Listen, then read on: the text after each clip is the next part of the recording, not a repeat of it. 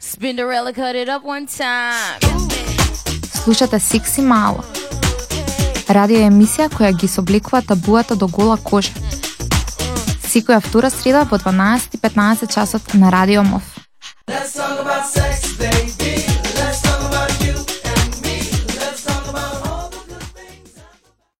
Здраво, секси малце со повторна со вас во, во Итерот и денеска заедно со Јордан узбровме да зборуваме на една многу интересна тема која што е занимлива за за нас како млади, за вас како помлади, постари или наши врсници.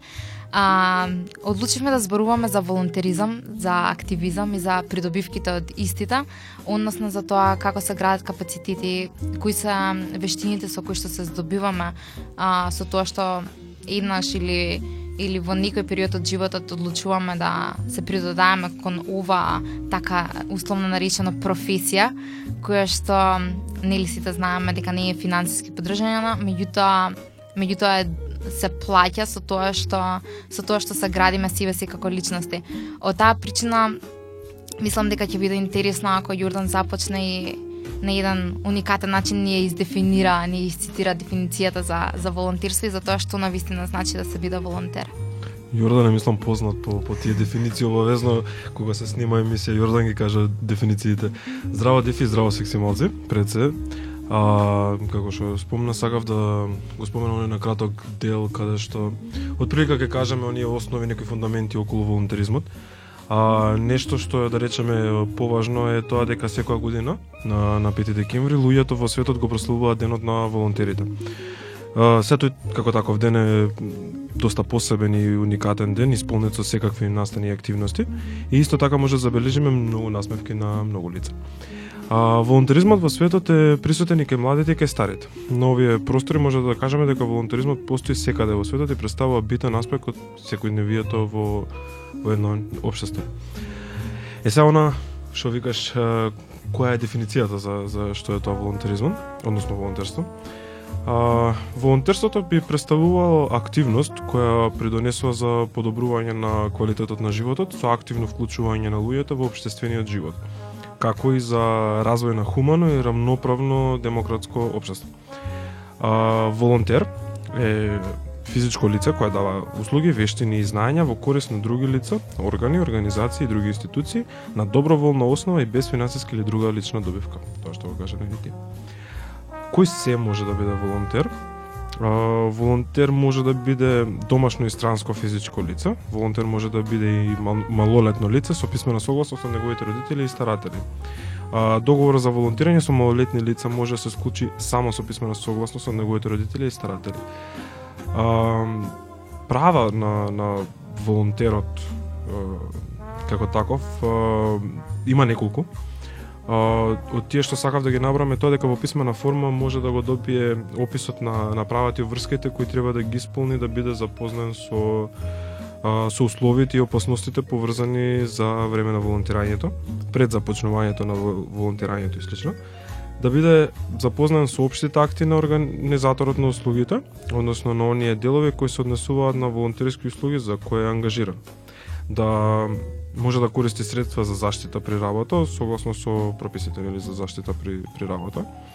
А, да учествува на обука, доколку истата е потребна нели за обезбедување на услуга која е предмет на договорот. А, на отсуство за време на волонтирањето, ако за тоа постојат оправдани причини. А, дневен одмор, да биде консултиран и информиран при одлучувањето за начинот на, на давање услуги и ред други нели права права и врски. Јас би те прашала дали себе си се нарекуваш волонтер и зашто е тоа така? А, увеку вие се нели а, као тешки зборови као се неразбирливи, јас волонтер секако сигурно до пред некој време сам дури се дали дали може да се речам самиот себе активист, пошто тоа ми е некако по, по знаеш да за сениори, по е по како да кажам некој по посилен збор. А, да, се, се чувствувам како волонтер и кажувам дека сум волонтер, а во последно време почнав да се чувствувам вистински како активист, заради тоа што покрај тоа што го правиме нели како Хера, како дел од Хера, едноставно и како да ти кажам, како и да не бев дел од Хера би, би го чувствувал истиот истите оние работи за кои нели се бориме за правата на човекот, животински права и нели ред други работи. Нели сега бев а, спомнавме за за 5 декември денот на волонтеризмот, а, а 10 декември нели меѓународни ден на, на правото на човекот. Апропо на она што што следеше но ние 16 дена активизам за насостојна жена. Значи има толку многу а, национални денови и увек сме досадни, некој начин ќе си останеме досадни, кој, кој што се можеме а, да ги кажуваме на национални денови, ама сепак мислам дека е важно да се споменат а, и важно е да нели бидат присутни. Да, се, се чувствувам како волонтер и тоа го правам од втора година средно. А, смеам ли да ти ги кажам имињата на организациите? Нема се рачуна коректно, така. Може. А, тоа е а, првата организација каде што каде што почнав беше Калисто. А, тоа е устори Сдружение на граѓани кое што се занимаваше со некои, ајде да речеме похуманитарен дел поврзано со со средниве а, училишта во Скопје. А, на некој начин организиравме настани каде што собраните средства ги користевме за а, подобрување на хигиената во училиштата, за купување на, на оние недостатоци што ги има од аспект на на хигиена, чистота, еколошки дел. Треба да ти пробувавме да да ги нели да, да, да дигнеме awareness, да дигнеме свест, ама и да материјално некако да го поддржиме се до тоа.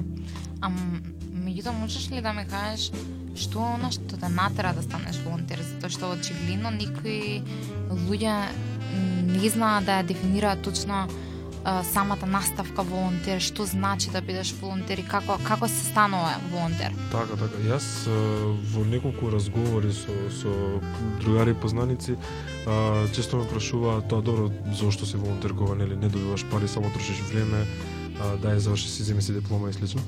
А, пред малку и пред да почнеме со со емисијата ти спомнав дека дека мојот ден е исполнет и дека како како таков исполнен јас сум среќен. Значи, да, уморен сум, но, но среќен сум.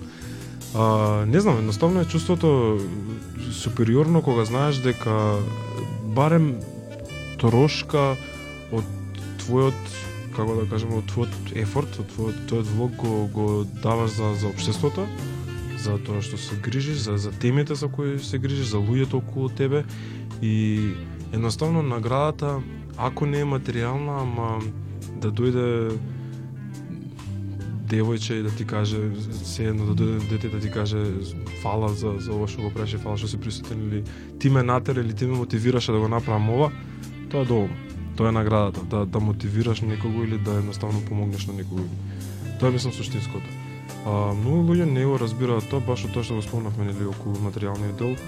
А, и некако баш тоа зборував и со други, многу е лошо сватен волонтеризмот во кај нас во во државата и правно е мислам а, лошо малку регулирам пошто учев право и од прилика се сеќам што што точно а, како од прилика гласеше, знам дека тогаш како што ние го го, го учевме беше дека има нели волонтерски книжки, дека тече стаж, дека не знам што и тоа тука е едној клучен момент каде што некои волонтери имаат проблем со тоа, очекуваа дека ќе бидат, не знам, дали вработени, дали ќе им тече некако стаж или дека тој стаж може да го заменат со стажот кој е нели вообичаен нели за пензијско инвалидско. Да, и па тоа разликата, јас како би го дефинирала волонтеризмот за мене, што представа затоа што има си уште пријатели, луѓе, дури членови во мојата фамилија кои што ме прашуваат, ама добро, ти да спина, што работиш во Хира, што правиш во Хира?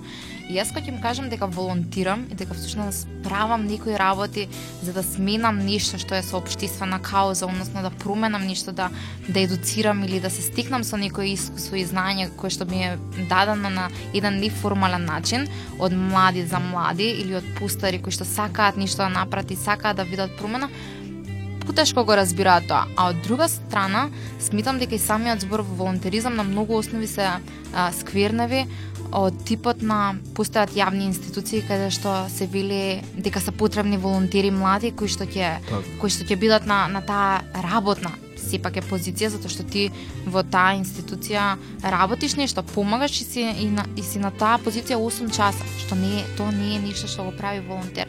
Затоа што 8 часа за една млада личност да поминува секој дневно, значи дека тука има очекувања кои што понатаму можеби ќе вродат со работно место. Затоа и волонтеризмот по дефиниција го носат во никој си погрешен правец, правец и, и истото го губи значењето. А, повторно ќе се вратам што за мене представува. За мене представува да јас одвојам време или донирам време или а, едноставно се залагам со некои мои знаења, со вештини кои што сум ги стикнала на овој начин да променам нешто или да застапувам или да се борам за некои човекови или граѓански права или да бидам гласот за некои кои што кои што не можат да го дадат или кои што не знаат на каков начин тоа да го направам, се со цел да видиш да се видат или да се забележат некои промени на подобро во општеството, во заедницата, во малото во кое што живееме. За мене тоа представува волонтеризам. По никоја си таква индивидуална дефиниција. И ако ме прашаш како започнав, со, со волонтеризам ќе ти кажам дека тоа беше причина што стегите кои што ги чувствува во училиштото дека би во средно училиште, а, ме доведува во ситуација да јас сватам дека формалното образование не ми е доволно. Дека она што го учам од книгите и она што го учам од професорите не ми е доволно и ми треба нешто што јас ќе можам да го научам од други млади. Ќе можам да действувам на некоја поле и ќе можам да правам работи и, и да правам промени на, на дневна основа. Апсолутно. И како млад, да, да действувам и да бидам, и она што ти го кажа понатоа и сениор, да бидам и активист, да гледам промени. Тоа е, тоа е, мислам дека тоа е тој нагон или а, едно чувство кое што те води и ти вели дека треба да даеш се од себе или треба да, да донираш време и треба да правиш работи затоа што сите сме способни да направиме и да научиме и своето знаење да го споделиме со останати млади кои што за кои што понатаму ќе има некаква си подобра иднина, затоа што сите живееме во време во кое што се трудиме да направиме некои измени на подобро. Барам јас во тоа верувам и се надевам. Апсолутно се согласувам. Дури мислам дека покрај се она што го кажа и значаен дел и ова што го спомена самото инвестирање во себе, пошто ако се сетам на на Јордан што беше пред неколку години, Јордан сега има огромна разлика, претпоставувам кај тебе и кај сите останати волонтери, така да не само што придонесуваме за останатите и за себе лично има огромно значење. Мораме на некој начин ние секогаш да бидеме себични за самите себе, ама затоа да станеме подобри за да можеме подоцна да го правиме тоа како што треба на точен начин и, и на многу по, по широко гледиште.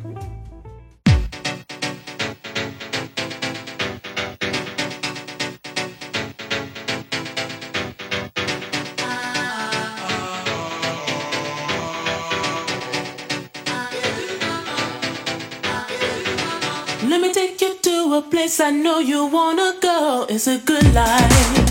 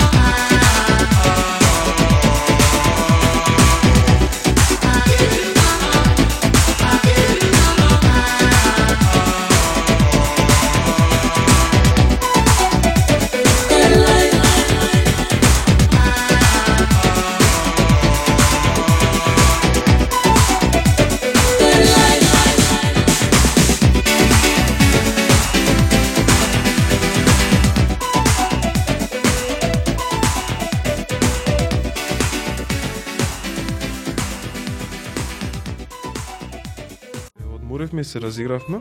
А, сега повторно се враќаме на темата волонтеризам. А, Дефи, сега колку што се сеќавам беше неодамна во во разговор, ова те немам прашано. Во, во разговор за спрувавме, мислам дека на тема СПИ, на сексуално преносни инфекции и спомна дека контрацепција ти е посебно драга тема. И ба, буквално со тие збори. Сега тоа си го врежа во глава, ми ми текната да прашам баш зашо, шо како, ама знам дека имаш едно некаква конференција поврзано со контрацепција. Се извини ако нешто грешам, за да те прашам. А, мислам дека беше за бариерна контрацепција или не? Дали грешам? Беше за модерна контрацепција. Аха, добро. Беше за модерна контрацепција и всушност а, постојат интерни шали во Хера дека Дефи станува заштитно лице за контрацепција затоа што секогаш, секогаш кога ќе излезат некои а, личности со ставови, со стереотипи во однос на модерната, односно во однос на а, оралната контрацепција секогаш сум избувлива со ставови, со факти, со истражувања, со тоа кои се ефектите, кои се придобивките, кои се бенефитите и како треба да се користи оваа контрацепција, затоа што и јавно а, на светскиот ден на контрацепција веќе два пати бев говорник и Мгм. као представник на младите. Значи тоа е таа конференција, ја сори што викам конференција, Да, или не, да, или е. да. А, тоа На некој начин, Тоа е, да, на некој начин не е кон- конференција, меѓутоа јас бев као представник на младите две години поред на на 26 септември, на каде што отворено зборував за потребата младите да имаат достапност на релевантни информации, да знаат самите да одлучуваат во однос на изборот на контрацепција затоа што а, самиот процент, самата статистика покажува дека младите во нашата држава а, скоро и воопшто да не користат контрацепција, а да не изборуваме за модерната контрацепција. А, она што се случува е што и што постојат стереотипи и каде и да предавам затоа што нели како пиер едукатор држиме едукација и каде и да предавам за контрацепција секој пат, ама апсолутно секој пат кога ќе ја споменам моралната контрацепција, секогаш излагуваат коментари дека тоа е хормонална, дека ќе направи некој дисбаланс Side effects. side effects, значи секогаш се тука присутни и секогаш самата се зимам како пример. Као, погледнете ме, видете дали ги имам тие side effects за кои што не, не кои што, кои што ги споменувате, да, кои што ги споменувате затоа што затоа што јас ја користам веќе со години. Јас ја користам во согласност со она што гинекологот мене ме советувал и апсолутно никогаш не сум приметила никаков side effect, нити пас никаков а, никаква причина заради која што јас беа прекинала оваа орална контрацепција. И токму токму заради тоа ми е драга оваа тема затоа што секогаш а, настојувам да сменам не мислење или став, туку да ги сменам оние табуа кои што Ги постојат. тргнеш митовите на некој Да, начин. да ги тргнам митовите затоа што доколку тие стереотипи се се тргнат, сметам дека ќе биде подостапна за младите. И она што ми беше изнесено на една конференција е дека а, статистички кој ќе се погледне колку во западните европски држави се користи оваа контрацепција, односно као методна контрацепција оралната, а, а изнесува повеќе од 60%, додека кај нас изнесува 1,3%, излегува дека онолку колку што девојчињата во нашата држава зборам збирно ја носат мастики за чвакање во нивните чантички, толку да девојките од западна Европа ја носат контрацепцијата во нивните чанти. Значи соодносот е тој. Само што стереотипите, табуата, конзервативноста, стават кон сексуалноста, стават кон кон а, методите, кон идењето на гинеколог, кон отворење, отвореното зборање на овие теми, а, само ги продолбачуваат овие табуа и не помагаат да ни излеземе од оваа фаза, не помагаат ни да се намали стапката на непланирана бременост, нити па да се спречат никои сексуално преносливи инфекции, кои што ние апсолутно знаеме дека моралната не е нема да ги спречи, туку е двојната метода со кој што го вклучува и кондомот. Меѓутоа, Оно што е потребно е младите да можат отворено да, да зборуваат, да знаат каде да се обратат, а, да знаат дека постојат и лекари кои што пред се треба да ги гледаат како пријатели и како никој кој што е тука да им помогна и да им даде информација и да им даде насока за самите да знаат понатаму како да водат еден здрав, убав сексуален живот без да имаат никакви си лоши последици или непланирани ефекти, односно непланирана бременост, која зборам во во тој аспект. Ам, Гледаш дека убаво ми текна за за темова, ја сори да врашам за конференцијата, ти ми ја раскажа целата, значи точно тоа дека ти омилена и дека кога отпушка ми ги ми ја, ми ја кажа цела и тоа е супер. А тоа што спомна за мастиките од чантичките што ги чуваат во Крушево бевме на на а, не на предавање од Хера за за сите за сите теми и меѓу кои ХИВ и, и контрацепција, тоа СПИ и контра- контрацепција. Изборувавме нели за бариерна а, орална сите нели категории, видови. И а, има имаше како представници од од американска организација, дали беше или беше од таму, стварно не се сеќавам, знам дека девојчињата беа американки и едната им порача на, на младите девојчиња да секогаш носат контрацепција, посебно кондом. Затоа што вика не мора да да, да значи кога вие вечерта ќе го искористите, не мора да значи дека имајте го за секој случај. Тоа е една работа. Втора работа ако ако вие барем не го искористите, може на, на другарката ваша ќе затреба, може на вашиот другар ќе затреба. Значи секогаш треба да користите тоа што ме потсети тоа со со мастиките во чантичките и, тоа точно. Mm -hmm. Другиот проблем што е што јас често се смеам е а, ставот на девојчињата или на момчињата за тоа кој треба да биде одговорен за контрацепција, кој треба да биде тој кој што ќе ја купи контрацепција, дали треба машкото да биде секогаш одговорно за купување кондоми, а девојчето треба да се потпре на тоа дека ако тој купил во ред, ако не купил, па, хм, може би еднаш ќе пропуштиме, ништо не се случува од еднаш. Ставот, мислењето а, е толку закоравено да мислам дека дури и кога ќе излезе некоја девојче да купи кондом во маркет или во аптека и погледите на вработините Апсолутно. укажуваат на тоа дека прави нешто кое што не е типично за, за девојче. А, а од друга страна, она што ти го кажав, зашто ја обожавам оваа тема е затоа што јас сакам да, да идам против сето она што останатите го сметаат као ненормално, као не типично. Мгм. И секогаш сум таа, дури кога момчето е покрај мене, не дозволувам тој да биде оној кој што ќе излезе со, со кондомите на каса, туку секогаш сум, не, овој пат ќе земаме не две, три пакетчиња, ама јас ќе чекам на каса. Ти чекаме понатаму, ама јас ќе чекам на каса. И она смеа, затоа што многу е битно да имаш поддршка од партнерот, да знаеш што прави што правиш и да разбере зашто го правиш тоа. Затоа што е потребно луѓето да знаат дека сме сексуално активни, дека а, самите сме одговорни за последиците и самите сме одговорни да се заштитиме. Не можам јас да очекувам партнерот мој секогаш да биде одговорен и да биде тој кој што е, ќе ќе донесе таква одлука или ќе внимава секогаш да има во секој момент контрацепција. Не, јас сум одговорна за своето здравје и токму заради тоа секогаш предпочитам јас да бидам таа која што ќе отиде и ќе ќе набави кондоми пред, пред него од токму од таа причина затоа што ми се интересни погледите, затоа што ми се интересни ставовите, а и сакам да да кршам табуа. Омилена Тоа е одлично, тоа е вистински волонтер, вистински активист.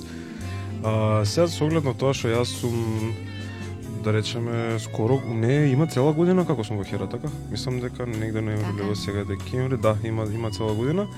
А, сепак и немам толку големо искуство. Да, сум бил нели со со емисијата секси мало, сум бил и по по едукација, ама не можам јас толку убаво да се попалам кој ти што можеш да се попалиш. Е сега кажи ми, ти си во Хера колку време? Ох, ова е тешко. Сигаш кажам дека пораснав со Хера затоа што моите почетоци се уште во средношколските денови. Предпоставам дека бев трета година средно и во тие моменти се чувствував како леле требаше порано да почнам. Како порано не дознав дека И- и Јас постои исто, истата реченица се го дека постои вакво место на кое што младите можат заедно да делуваат, можат да учат заедно и можат да, да идат на, на семинари заедно на кои што од една страна учат, на друга страна се добиваат сознања кои што понатаму може да ги принесат на други млади. Затоа што сите она што јас го правам сега, пред мене некои други млади го правеле. И, и сме растеле заедно, етапно, учејќи едни од други. Меѓутоа, ако треба во години да го изразам тоа, А, би рекла некои 6 години, 7 сега навршува. Страшно. не е Ова страшно. звучи страшно. Ова звучи страшно затоа што млади сме, млади сме доека се чувствуваме као млади. Јас мислам дека секогаш ќе бидеме млади доека извршуваме вакви волонтерски работи во, во кругот на, на неформално, неформалното образование, меѓутоа, меѓутоа да, 7 години сега. Апсолутно. Ако ми почнеше сега со дамите, некако живеат својот, своите години и слично, ако ми почнеше такви теми, да ми тутепов. А, баш убаво, баш ми е драго. А, кажи ми, можеш ли да ми отвеш нешто што е, не знам, интересно, некоја случка поврзана со, со, со хера, со, со ајде да кажи едукација, нешто што ти доаѓа вака на памет? Вака, шум, и најинтересно од хира што ми било е што во средно, кога започнав, а, останатите да соученици знаеа дека јас правам нешто во хира, затоа што баш тој период мислам дека беше околу 1 декември со светскиот ден а, за подкривање на свисноста за луѓето кои што живеат со ХИВ и давање на поддршка и, и тогаш беа црвените панделки, тогаш се делеа бесплатни кондом мислам како и секоја година, ниле? Меѓутоа, моментот да јас преку ноќ а, станувам волонтер во Хира, па носам црвени пандалки, па зборувам за кондоми, а, а за тоа не се зборува толку едноставно. И самото излагување паметам дека бивме на плаштат и бив со со Геа, која што тој период а, беше во Хира.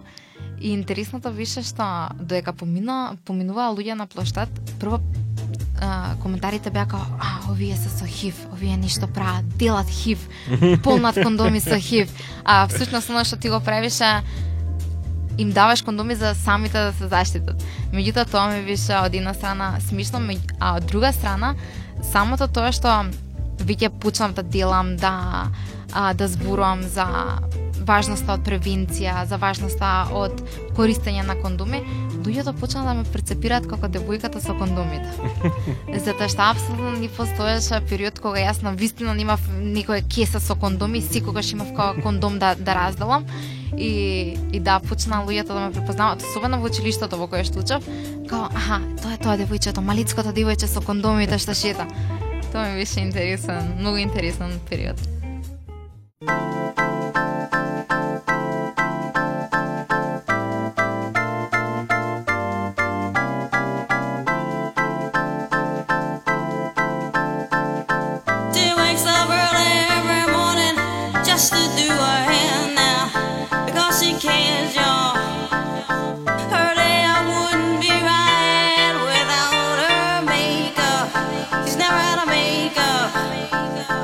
She's just like you and me, but she's homeless. She's homeless. As she stands there singing.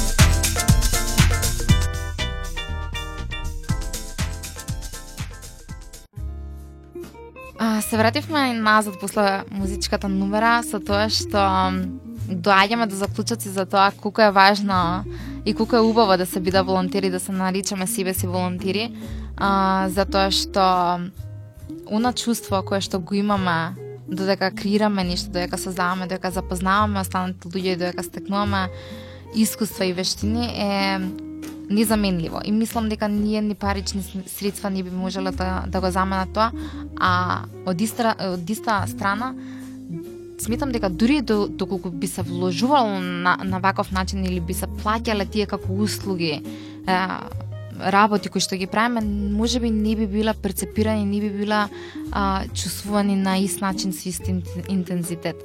А, така да, јас би кажала дека многу сум среќна што со години сум во ова сфера и, и градам капацитети и зборувам за, за важноста на, на истото.